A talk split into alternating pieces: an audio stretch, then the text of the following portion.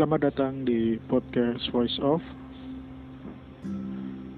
Pada episode kali ini, episode kali ini direkam pada tanggal 1 November hari Minggu.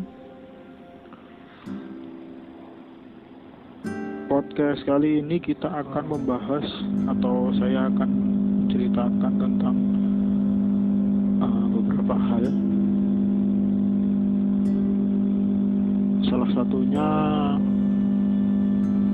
saya akan mencoba membahas tentang um, tentang perkuliahan atau uh, lebih khususnya jurusan perkuliahan yang saya yang saya masuki. Jadi saya masuk ke salah satu jurusan yang tidak begitu populer tidak seperti jurusan jurusan teknik jurusan kedokteran. Jadi saya masuk ke jurusan psikologi dan kebanyakan uh, mahasiswa-mahasiswa yang masuk ke jurusan psikologi itu kebanyakan orang-orang yang uh, terjerumus ya bisa dibilang terjerumus. Karena kebanyakan orang yang masuk ke jurusan psikologi itu biasanya gagal masuk ke kedokteran. Ada juga yang saya temui itu karena dia gagal uh, masuk ke masuk ke kepolisian uh, TNI dan keperawatan. Dan jadi bisa dibilang uh, jurusan psikologi itu jurusan yang mengumpulkan orang-orang yang sakit hati. Dan memang uh, ada sebuah mitos bahwa uh, jurusan psikologi itu bagi orang-orang yang masuk ke dalam jurusan psikologi itu bisa dikatakan sebagai orang-orang uh, yang dalam tanda kutip berobat jalan atau uh, bisa dibilang apa sih namanya menyembuhkan diri sendiri dari luka-luka pengalaman yang sudah lalu. Di jurusan psikologi kalau di kampus saya sendiri atau mungkin di kampus lain ya. Itu pada semester awal akan membahas tentang dasar-dasar psikologi. Salah satunya itu ada mata kuliah psikologi dasar. Mungkin kalau di kampus lain psikologi umum atau psikologi apalah. Tapi ini intinya akan membahas Eh, apa-apa uh, yang akan dipelajari. Contohnya hal-hal dasar mengenai teori-teori apa yang uh, mau dipelajari semester berikutnya. Contohnya teori perilaku atau behavior itu siapa aja tokohnya Skinner, Pavlov dan lain sebagainya. Uh, bisa dibilang tentang aliran-aliran psikologi. Terus untuk teman-teman yang masuk ke jurusan psikologi untuk menghindari uh, menghindari matematika Anda sangat salah jurusan karena uh, di psikologi juga ada mata kuliah yang khusus membahas tentang statistik walaupun memang statistik statistiknya itu tidak tidak kompleks seperti jurusan matematika atau jurusan uh, teknik yang sangat rumit bisa dibilang uh, cukup mendasar. Contohnya statistik diferensial inferensial terus ada psikometri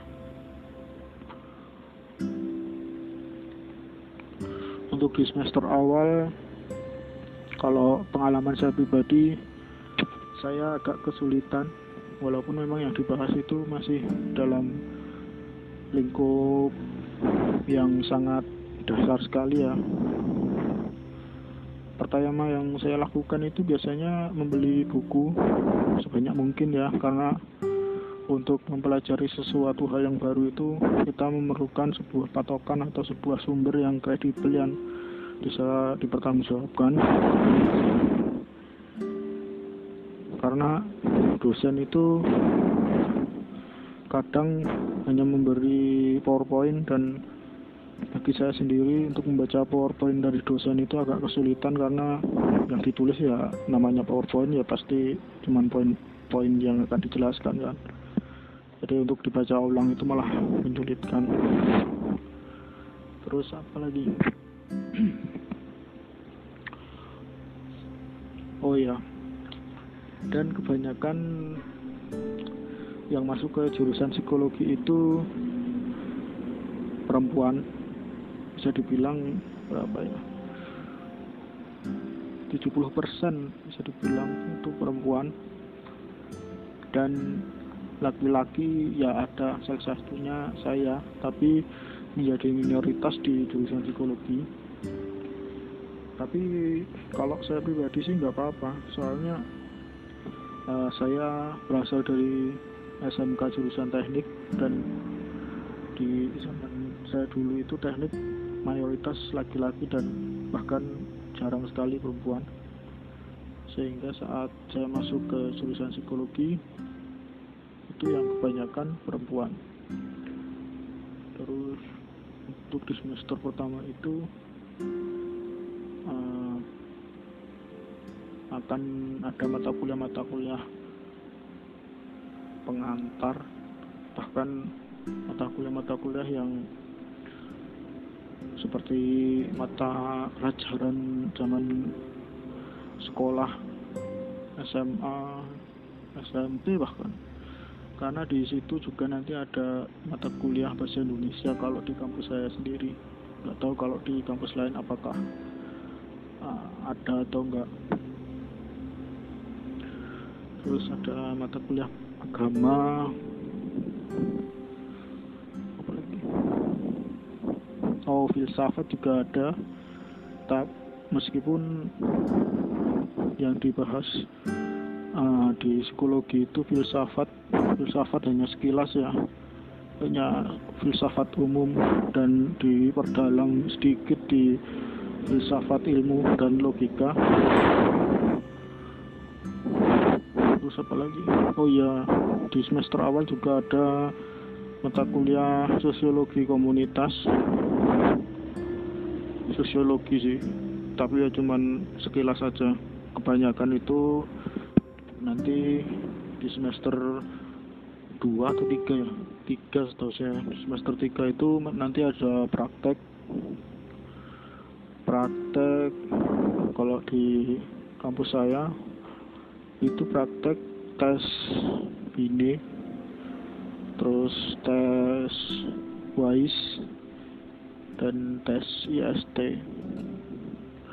subjeknya mencari sendiri. Nah asiknya memang di situ untuk di jurusan psikologi. Jadi nanti uh, akan sangat ketahuan untuk siapa siapa yang uh, tidak akrab dengan anak-anak nanti bisa malah anaknya menangis saat disuruh untuk mengerjakan tes.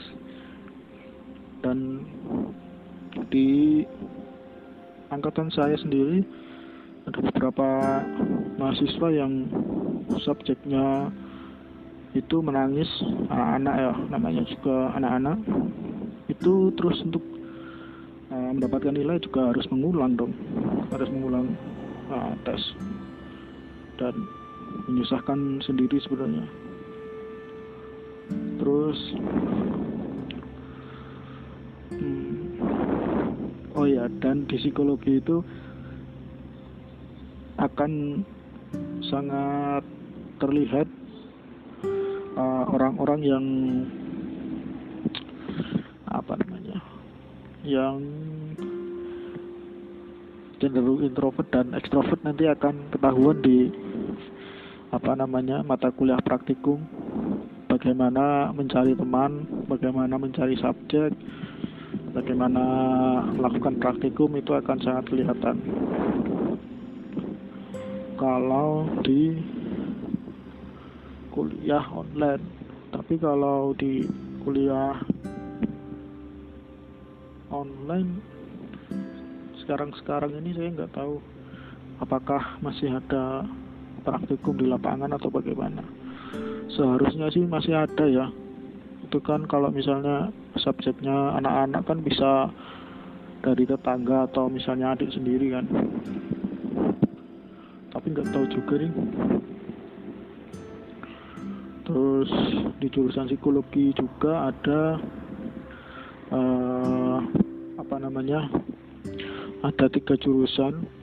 Yang pertama itu tentang uh, industri organisasi yang kedua tentang klinis sosial ya. Psikologi klinis sosial. Dan yang ketiga itu pendidikan. Kebetulan saya mengambil apa namanya penjurusan atau bidang konsentrasi ke psikologi pendidikan karena selain prospek kerjanya itu menurut saya lebih realistis de, daripada yang psikologi industri organisasi maupun klinis itu juga apa ya namanya menurut saya sih peluang kerjanya lebih mudah karena bisa dilihat sendiri. Kalau saya sih melihat dari sekitar itu kebanyakan di sekitar saya kebanyakan banyak sekolah-sekolah daripada perusahaan sehingga apabila mengambil industri organisasi maka akan kesulitan di uh, kemudian hari. Untuk khusus S1 itu uh, bisa tiga tahun lim tiga tahun setengah tapi kemarin saya dengar dari dosen itu untuk kurikulum 2017 itu atau kurikulum yang baru itu bisa atau lebih baik menyelesaikan selama 4 tahun masa pendidikan dan uh, apa namanya dan dan untuk magang itu kalau di pendidikan sebenarnya nggak ada kewajiban ya psikologi pendidikan. Tetapi kalau di industri organisasi itu kemarin kayaknya ada ada instruksi gitu untuk magang di perusahaan. Kalau di perusahaan biasanya menjadi human resource HR atau HRD atau personalia untuk di klinis setahu saya sih psikologi klinis itu menjadi asisten psikolog untuk S1 dan S2 tentunya psikolog atau bisa juga di puskesmas-puskesmas untuk di area Jogja sendiri di Kabupaten Bantul itu katanya sudah ada psikolog di puskesmas. Kalau di tempat saya belum ada setahu saya. Atau udah ya jarang juga soalnya ke puskesmas. Hmm. Alhamdulillah. Terus kalau di pendidikan ya itu bisa jadi apa namanya guru BK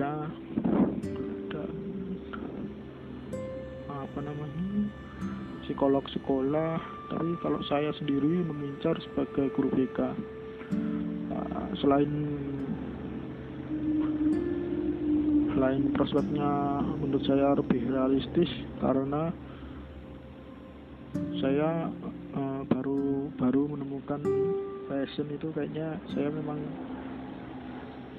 cocoknya di dunia pendidikan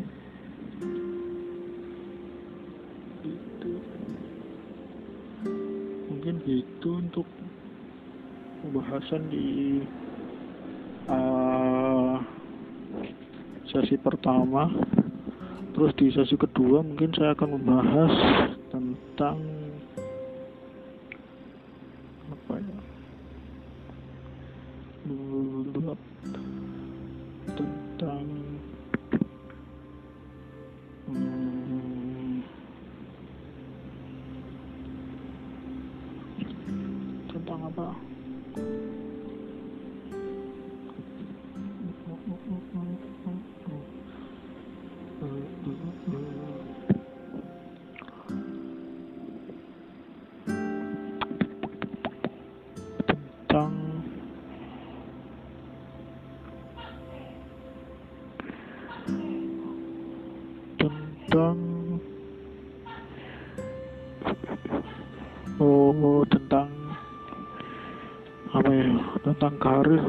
gimana tentang karir.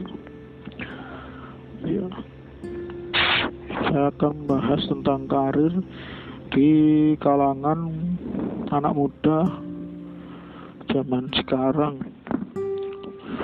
Kebanyakan anak muda di zaman sekarang itu menghindari karir di bidang pertanian atau di bidang uh, padat karya nggak tahu penyebabnya apa. Tapi menurut saya karena pekerjaan yang padat karya itu lebih kepada nasib dan bukan cita-cita untuk di Indonesia. Dan entah kenapa kalau di zaman kakek nenek atau bapak ibu kita itu ke uh, pekerjaan itu lebih luas dan bahkan memang ada beberapa orang yang memilih memang menjadi petani atau padat karya misalnya jadi jadi tukang atau jadi apa pun. Tapi kalau di pemuda atau di generasi sekarang itu kenapa lebih memilih menjadi pegawai negeri dan memang diarahkan untuk menjadi pegawai negeri? Terutama itu bisa dilihat dari uh, pilihan pekerjaan setelah SMA itu biasanya kelihatan kalau di SMK itu memang diarahkan untuk menjadi karyawan ya. Cuman ada beberapa orang yang atau ada beberapa teman saya yang memilih menjadi uh, polisi dan bahkan melanjutkan uh, pendidikan ke jenjang selanjutnya atau uh, di ke universitas. Sehingga untuk hal-hal yang bersifat lapangan itu dikerjakan oleh orang-orang yang kebanyakan berpendidikan menengah ke bawah. Ya mungkin selain dari pilihan memang dari biaya pendidikan yang mahal banget gitu. Bayangkan aja misalnya uh, ke jurusan uh, pertanian di universitas itu lebih murah daripada ke jurusan kedokteran. Itu saya nggak tahu kenapa. Dan yang saya bingungkan itu kenapa ada beberapa jurusan yang apa namanya yang harus dijadikan jurusan. Misalnya pertanian. Pertanian itu kan sebenarnya uh, bidang pekerjaan yang mengutamakan praktek gitu. Dan juga kebanyakan yang mengambil jurusan itu kebanyakan tidak tidak untuk turun ke lapangan dan biasanya memilih atau mendaftar di kantor yang mengatur kerja di lapangan itu. Nah, selain itu juga jurusan keagamaan. Itu kenapa harus ada? Menurut saya sendiri agama itu tidak bisa dinilai dengan angka dan agama itu kan lebih kepada bagaimana diri kita menjadi contoh bagi orang lain kan. Sedangkan untuk jurusan agama itu masa mau dinilai berdasarkan uh, fasih dan tidaknya dan sedangkan kan agama itu memang sesuatu yang untuk diusahakan dan dilakukan. Sehingga hafal saja menurut saya sih tidak cukup untuk menerapkan ya karena ada beberapa hal yang sudah hafal tapi tidak melaksanakan itu juga banyak.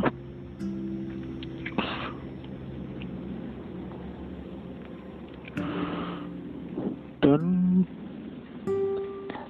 Allah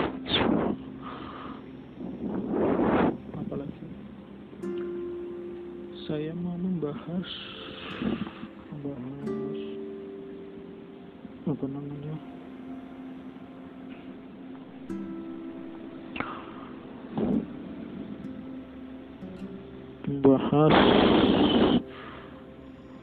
lingkungan. Secara sok tahu. Itu kenapa kalau di Indonesia itu rumah yang bagus itu rumah yang bertingkat dan bukan yang luas. Kalau saya pribadi itu rumah yang bagus itu ya yang banyak pohon-pohonnya dan banyak, apa namanya luas lahan di apa namanya sekitar rumah dan masih hijau. Kalau di kota itu kan kebanyakan rumah yang tinggi itu bisa dikatakan milik orang kaya. Sedangkan di desa itu kebanyakan orang-orang kaya memiliki rumah yang luas dan bukan tinggi tinggi bertingkat tapi lebih luas ke lahannya. Itu kenapa? Mungkin karena lahan di kota terbatas atau bagaimana ya? Tapi masalahnya tuh uh, bentuk seperti itu sudah diadaptasi ke struktur bangunan di desa-desa terutama untuk bangunan bangunan yang baru. Kalau zaman dulu tuh saya pernah diceritain oleh orang tua saya itu kalau membangun rumah di zaman dulu itu kebanyakan kalau di Jawa itu mengarah ke utara dan selatan. Tapi untuk membangun rumah di zaman sekarang itu tidak memperhatikan arah itu. Itu menurut penjelasan yang pernah saya dengar kenapa zaman dulu membangun itu ke apa namanya ke utara selatan itu karena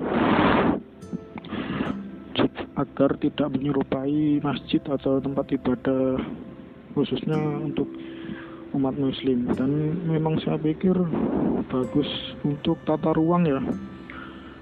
Kalau rumah zaman sekarang ini dibangun itu berdasarkan arah jalan gitu misalnya arah jalannya ke selatan utara itu nanti rumahnya ke menghadap uh, timur timur barat dan bukan ke utara selatan.